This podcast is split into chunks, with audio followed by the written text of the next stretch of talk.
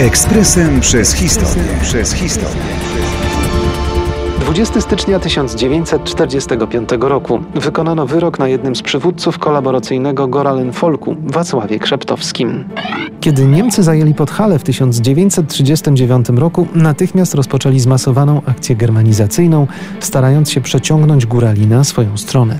Co bulwersuje i zaskakuje, pomagał im w tym dr Henryk Szatkowski, przed wojną człowiek związany z sanacją, jeden z inicjatorów budowy kolejki na Kasprowy Wierch. Szatkowski bez najmniejszych skrupułów, zapewne mając także na względzie płynące z tego profity, zaczął współpracować z Niemcami i począł głosić absurdalną tezę, że podhalańscy górale są tak naprawdę potomkami plemion germańskich i stanowią odrębny lud, dotąd uciskany w międzywojennej Polsce. Po wojnie zaginął ślad po doktorze kolaborancie. Pojawiły się jednak plotki, że ktoś widział go w latach 60. w Londynie. To, co zrobił Szatkowski, było obrzydliwe. Najgorsze jednak, że znaleźli się poplecznicy.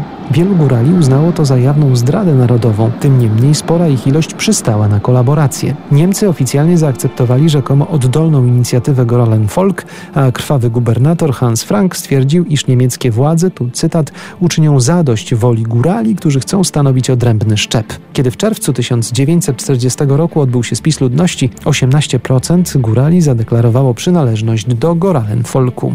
A kim był Wacław Krzeptowski? Przed wojną był to lider lokalnych struktur stronnictwa ludowego. Od 1940 roku stał się przewodniczącym Goralen Folku. Wcześniej jako przedstawiciel górali witał Hansa Franka, kiedy ten został gubernatorem. W roku 1942 Niemcy pozwolili na stworzenie atrapy samorządu lokalnego i oczywiście wierny im Krzeptowski natychmiast został szefem owych struktur. Za zdradę swojej ojczyzny zapłacił najwyższą cenę. Oddział Armii Krajowej wykonał wyrok na zdrajcy. Krzeptowski został powieszony.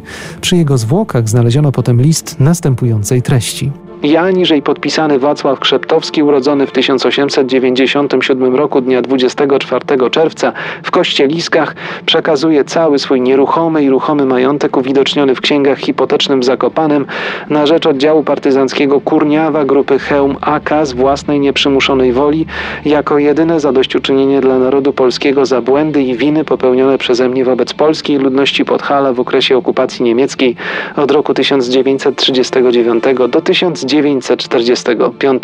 Kościelisko 20 stycznia 1945, 22.30. Ekspresem przez historię. Przez historię.